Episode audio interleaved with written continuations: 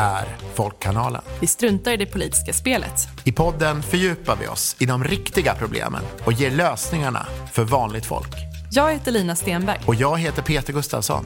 Och det här är en podd som handlar om de riktiga frågorna. De som spelar roll på riktigt för vanligt folk.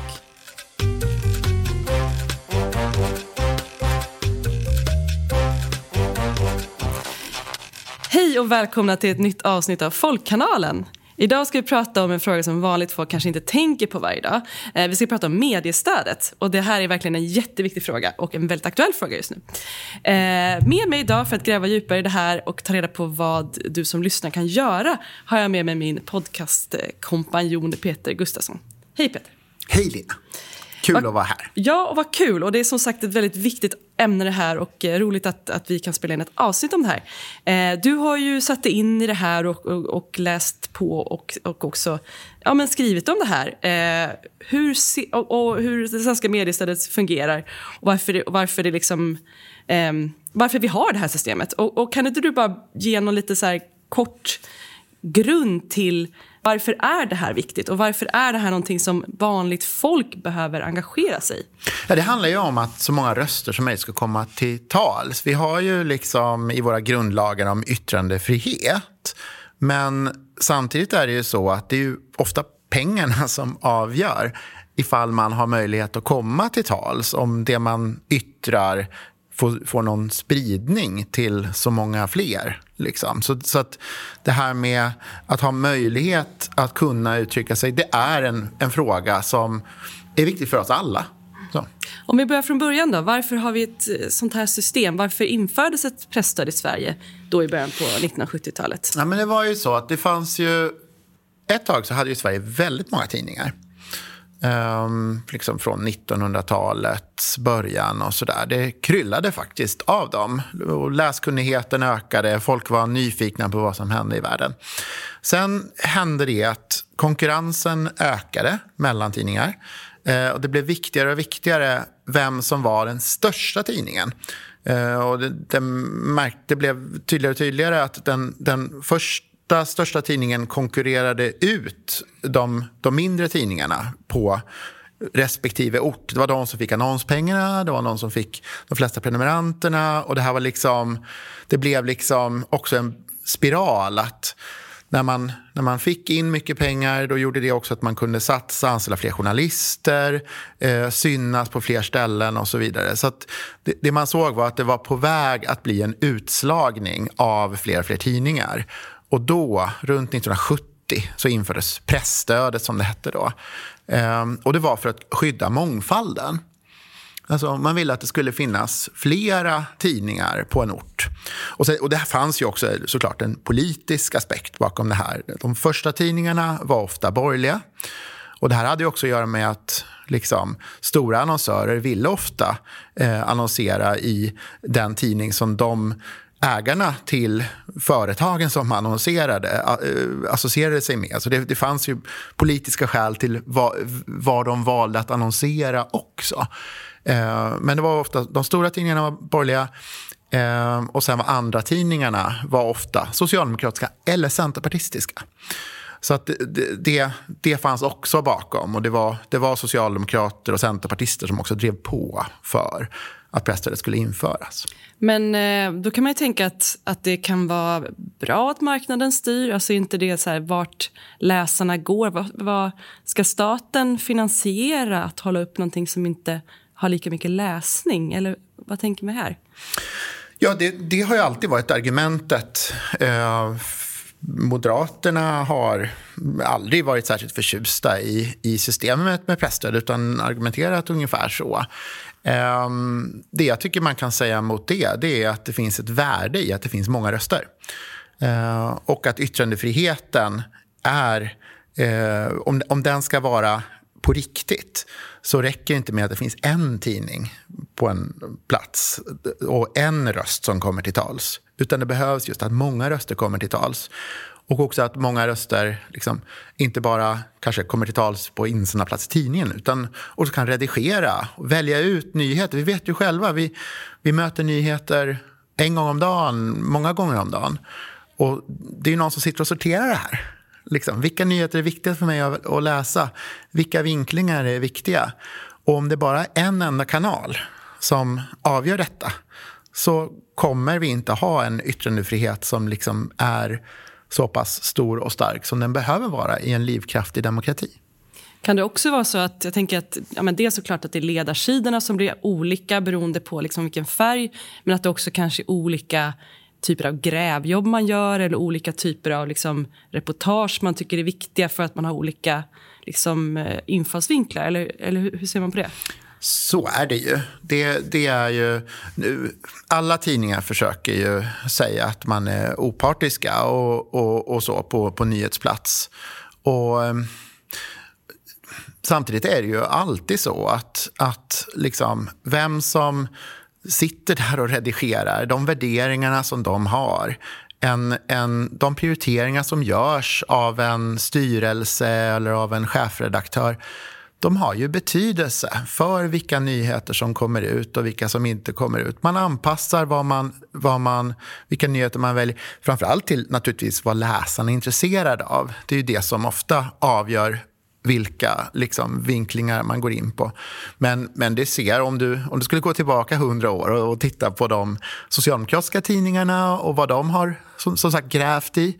Många socialdemokratiska tidningar väljer ju ofta att skriva mer om arbetsmarknaden till exempel. Um, om, om, om det blir en nedläggelse på orten. Dagens Industri skriver om hur det påverkar eh, företaget och lönsamheten. Medan kanske Arbetet, som är LOs eh, tidning, de skriver om hur det här påverkar de anställda och vad facket gör i samband med den här industrinedläggelsen. En lokaltidning skriver kanske om hur påverkar det här oss på orten, liksom, hur, hur påverkar det, vad får det för följdeffekter och sådär. Man, man anpassar ju alltid det efter liksom, vad är det för tidning, vilka läsare har man, vad har man för liksom, ingång vad finns tidningen till för? Så det är också någon slags mångfald egentligen också i att många röster och många vinklar ger också en bredare perspektiv på liksom, den objektiva sanningen, eller man vill säga. Ja, ju färre tidningar vi har, ju färre ingångar, ju färre liksom, faktiskt tidningsägare vi har, desto, desto fattigare blir ju vårt offentliga samtal någonstans. Ehm, och på det sättet, vad, vad betyder då presstödet för vanligt folk? Alltså, kan man säga någonting om det? Ja, nej, alltså det betyder ju att man har friheten att kunna välja. Friheten att kunna välja, ska jag läsa den tidningen eller den tidningen? Eh, var vill jag tillgodogöra mig mina nyheter? Eh, vad, vad är jag intresserad av att, att, läsa eller se eller så. Idag, och det kommer vi väl snart in på, liksom, att, att nyhets eh, nyheter intas ju på ett annat sätt idag. Liksom. Papperstidningar är kanske inte det vanligaste. Liksom. Men, men man, man, man, det finns olika liksom, budskap, olika... Eh, eh, och också faktiskt olika att kontakta om man vill påtala ett problem. För det är också en enormt viktig funktion för pressen, eller för media. Just att liksom eh, avslöja när det finns oegentligheter i en myndighet, i en kommun, i ett företag, eh, var det nu än är. Att, att faktiskt avslöja och faktiskt ja, gräva ner sig djupt och berätta för människor sanningar som kanske inte de som sitter på makten och inflytandet vill att väljarna, allmänheten, ska veta. Och Det här är jätteviktigt för liksom, demokratin. Jag tänker att Det är också viktigt för de enskilda individerna att kunna veta som sagt vart man vänder sig då för att ja, kunna få hjälp med att avslöja en sån här sak. Att man vet. Och finns det bara en tidning, mm. Då är det den chefredaktören som sitter på den makten. Ja, alltså det, det där ja. är väldigt konkret. Ja, nej men precis. Um, ja, men sen 70-talet då, det har hänt väldigt mycket som du säger just i mediebranschen. Uh, många tidningar har ju lagts ner eller sålts till större koncerner. Papperstidningarna finns knappt kvar längre, ja, eller finns ju kvar, men också då digitala upplagor och mycket, mycket mer på nätet. Uh, sökmotorer och sociala medier har tagit över mycket av då tidningarnas gamla roll varför har vi sett den här utvecklingen? Behöver man inte se över då hur stödet till medierna fungerar när, när de faktiskt de skrivna tidningarna liksom inte är så viktiga längre? Eh, eh, kort, ja, såklart. Absolut. Alltså egentligen så är det så att vi har haft ett en teknikutveckling de gångna kanske 20-30 åren som har varit kanske den största sen tryckpressen kom liksom, på 1500-talet. eller 1400-1500-talet. Så, att, så att det är ju verkligen ett enormt skifte. Um, och det har ju flera, du, har ju, du nämner ju flera av de förändringar som har skett. Sådär. Um, men en sån viktig förändring är ju att internet har ju inneburit då att inte minst Google, Facebook och sådär får ju väldigt mycket av annonspengarna idag. Det gör att det är svårare för tidningar att, eh, att överleva. Annonser är en viktig inkomstkälla för en tidning. Um, men det har också inneburit, väldigt länge så la ju tidningar också ut sina nyheter gratis på nätet. Um, och det har man ju tvingats till att liksom tänka om ifrån. Alltså gå ifrån den här gratis eh, publiceringen och till att införa betalväggar. Det är, det är kanske inte så kul för oss som liksom vill gå in och läsa men det har ju varit en överlevnadsstrategi. Om, man inte kan, om, om färre och färre prenumererar på papper och man får in mindre och mindre annonsintäkter ja, någonstans måste man få in pengarna och då är det de digitala prenumerationerna. Och det där har faktiskt tidningarna börjat lära sig att göra. I, idag så, så gör de flesta tidningar en hel del pengar på digitala prenumerationer. Så det, det har också förändrats bara på ett par år. Under pandemin så började ganska många tidningar bli lönsamma på digitala prenumerationer. Så att allt är liksom inte nattsvart heller, utan man, det gäller att hitta hur, hur, få, hur fungerar man i det nya? Många tidningar har också övergått till att ha mer liksom, rörligt material, alltså video, man har ja, ljud, poddar. Eh, många tidningar har, har, har poddar. Så, att, så att det finns ju andra. Men sen som, vad som också har hänt är ju att det dykt upp väldigt många nya medier som skapats på internet. Liksom. Så här. Det här är ett sånt medie, om man ska vara sån. Liksom. Folkkanalen är ju liksom en, en eh, poddkanal. Um, och nu under november eh, 2023 här så har ju riksdagen beslutat om ett nytt system som trädde i kraft från årsskiftet som är ganska eh, dramatiskt annorlunda. Eh, kan inte du berätta vad det här förslaget som nu har klubbats innebär och vilka vinner och vilka förlorar på det här nya?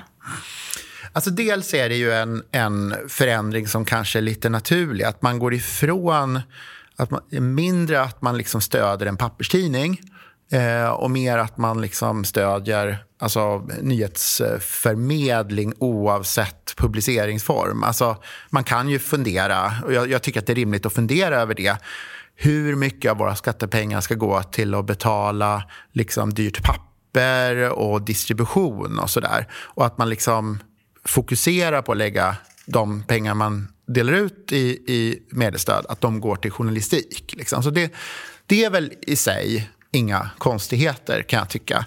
Däremot vad som är och vad som är väldigt dramatiskt det är ju att man säger då i utredningen då att man ska Tidigare har man då stöttat mångfald som sagt, det var det som var huvudsyftet. Och nu säger man att man ska främja allmänhetens tillgång till oberoende nyhetsförmedling av hög kvalitet. Och då säger man eh, att syftet ska uppnås huvudsakligen genom att mediestödet främjar tillgången till lokal och regional nyhetsförmedling i hela landet, men även genom att stödet bidrar till en mångfald av allmänna nyhetsmedier av hög kvalitet. Det är så det formuleringen är. Det vill säga, tidigare så har alltså syftet varit det som nu står som en men även del, alltså mångfald. Eh, och nu finns en huvudsaklig del som är nyhetsförmedling.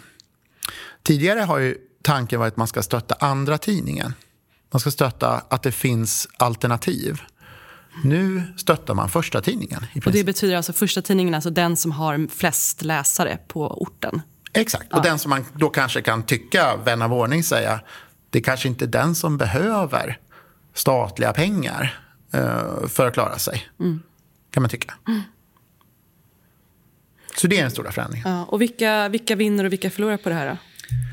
De som förlorar är ju mindre tidningar. Alltså, som inte har en dominerande marknadsställning helt enkelt. Uh, alltså den som är andra tidningen på orten eller mindre nationella tidningar. Liksom.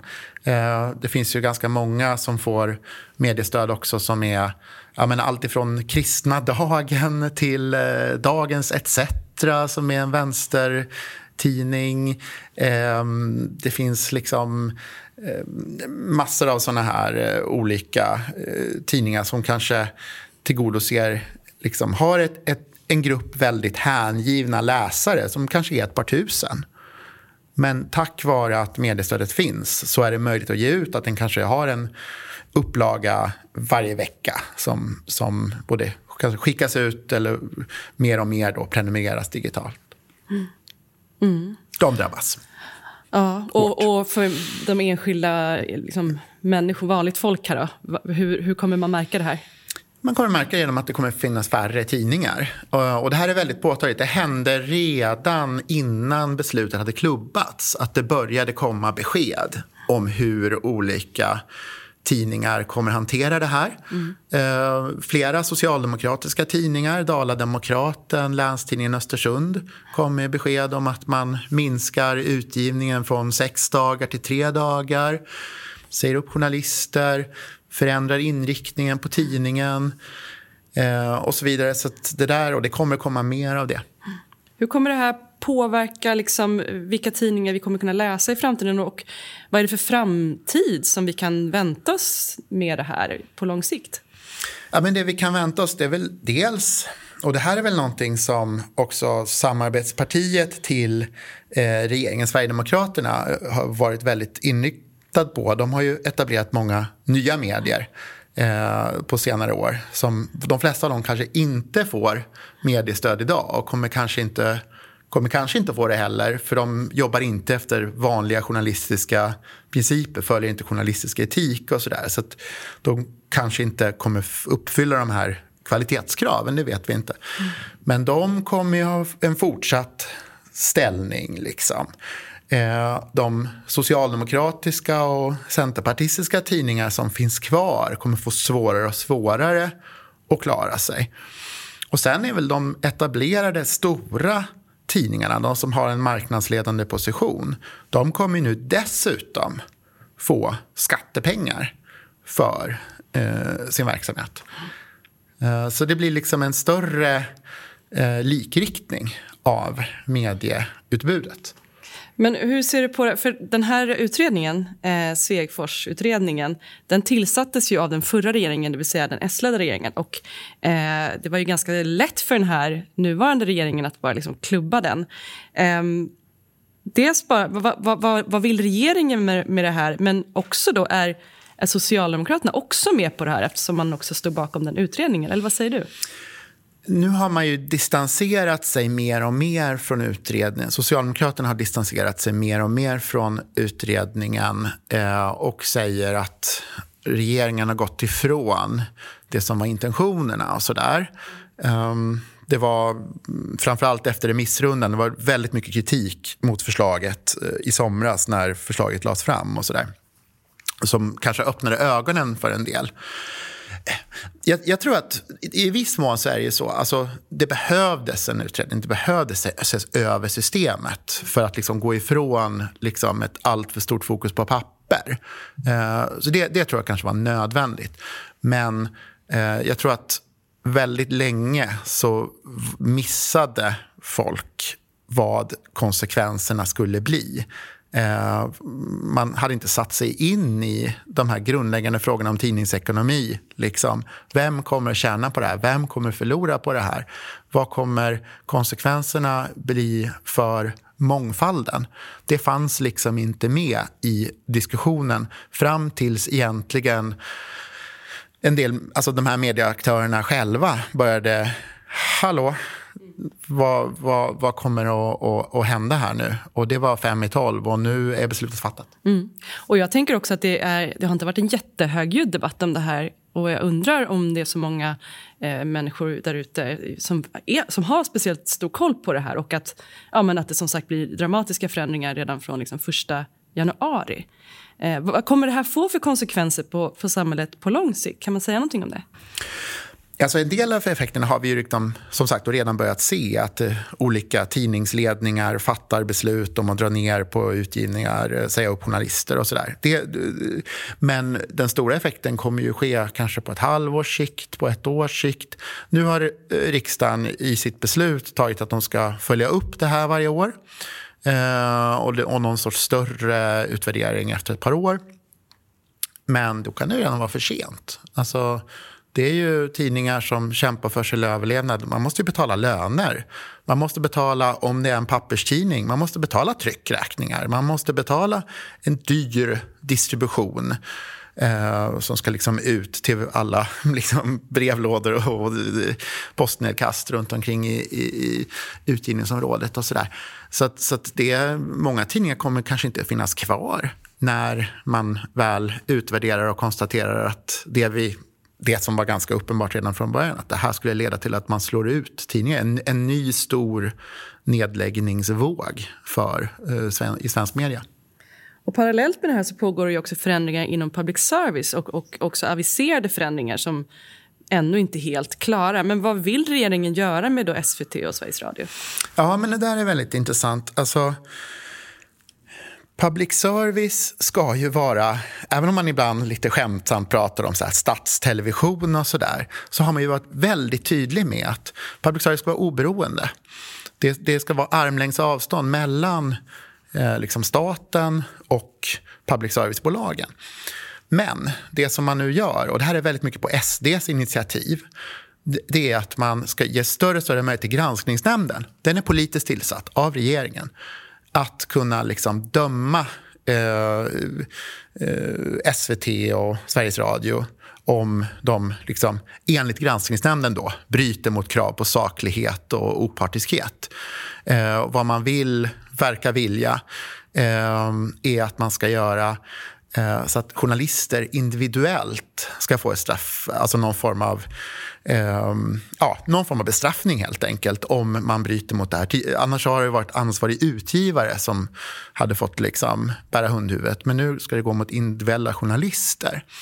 Och det som också är på gång, och det här är, det här är något som både Moderaterna och SD vill, att man, eh, SVT och eh, Eh, Sveriges Radio inte längre ska kunna ha större evenemang. Alltså att sånt som man kan göra kommersiellt, det ska de inte längre göra typ Melodifestivalen, typ stora sportevenemang. Och då kan man säga, ja, ska man använda public service-pengar för det? Ja, om man vill ha många tittare, om man vill att de här public service-bolagen ska vara något som folk går till för att få nyheter men också för att få underhållning, för att liksom då behöver de också kunna eh, bedriva publikfriande evenemang. Det vi annars kommer att se det är att vi har fått avsmalande public service där man har eh, färre och färre tittare. En, en smalare och kanske fegare eh, utgivning där man liksom är rädd för att göra vissa typer av produktioner därför att man kommer få pisk från granskningsnämnden och sådär. Så det kommer bli någon sån smal liten rännil jämfört med det stora public service vi har idag. Det är väl liksom vad man kan säga. Ja, det, här, det här tillsammans eh, känns ju ganska oroväckande. Och jag tror att det är många som hör det här och som kanske också har liksom läst på om det här tidigare känner sig ganska oroliga. Men vad säger du? Vad behöver oppositionen göra för att stå emot det här? Och vad kan vanligt folk göra för att det här inte ska få så allvarliga konsekvenser? Ja, men oppositionen behöver liksom vara vaken på ett sätt som jag inte riktigt tycker att man har varit hittills. Och mycket av det här kanske också beror på att tidigare har ju liksom, liksom till exempel Socialdemokraterna har ju drivit egen press i en mycket större utsträckning. Nu gör man inte längre, man har sålt av väldigt mycket av det, vilket gör att man inte riktigt har koll heller på, på de här frågorna längre. Ehm, så man behöver liksom vara medveten om de här frågorna och hur det påverkar möjligheten att överhuvudtaget bedriva politik och bedriva samhällsdebatt och ha någon sorts yttrandefrihet på riktigt. Ehm, sen tror jag vad, vad allmänheten kan göra det är att stödja din tidning. Alltså prenumerera. Eh, se till att läsa, läs, förkovra dig och faktiskt stötta de publikationer som du tycker är viktiga, att de finns med dina egna pengar. Eh, det kommer inte vara någon annan som gör det. Utan vill du att en publikation ska finnas så ska du prenumerera på den. Ehm, och saknas det en publikation, ehm, då kanske du ska starta den. Eh, du och jag som har startat podd vet att det inte behöver vara omöjligt att göra det. Det är också en form av, av media. Väldigt mycket media är ju sånt idag, på gott och på ont. Liksom. Det, finns, det finns stora och små medier. Och vi behöver alla bidra till att värna yttrandefriheten. Mm. Och hålla igång den här mångfalden då på andra sätt än att det ska gå via det statliga liksom, styrsystemet. Ja, men tack så jättemycket Peter och, och vad intressant det var att eh, djupdyka i vad som nu håller på att hända och ehm, ja, men vad, vad, vi också kan göra faktiskt för att prata mer om det här. Eh, kanske lyfta det här också med våra politiker, eh, både lokalt och, och, nationellt och regionalt. Eh, och ja, men, storma emot det här, tänker jag också. Eller hur? Alltså, man kan ju verkligen eh, opponera sig mot att det här sker och också förklara vad det, vad det är som händer. Eh, hur det påverkar vanligt folk och så. Um, du som lyssnar, tack också för att du har varit med oss här och eh, du är såklart välkommen att fortsätta diskussionen i våra sociala kanaler. Vi läser alla kommentarer och försöker svara på allt vi kan. Eh, Peter, har du någon hälsning till lyssnarna? Ja, det är att du såklart ska se till att ge vår podd ett bra betyg och en fin recension. Det gör mycket för oss och för, precis som vi pratat om tidigare, att fler ska få upp ögonen för en kanal som försöker ge ett budskap om eh, vad som händer i vår tid och eh, kanske också ge oss tips på vad vi borde prata om härnäst. Ja, men precis. Eh, tack igen Peter och tack till dig som lyssnat. Ha det bra tills vi hörs igen.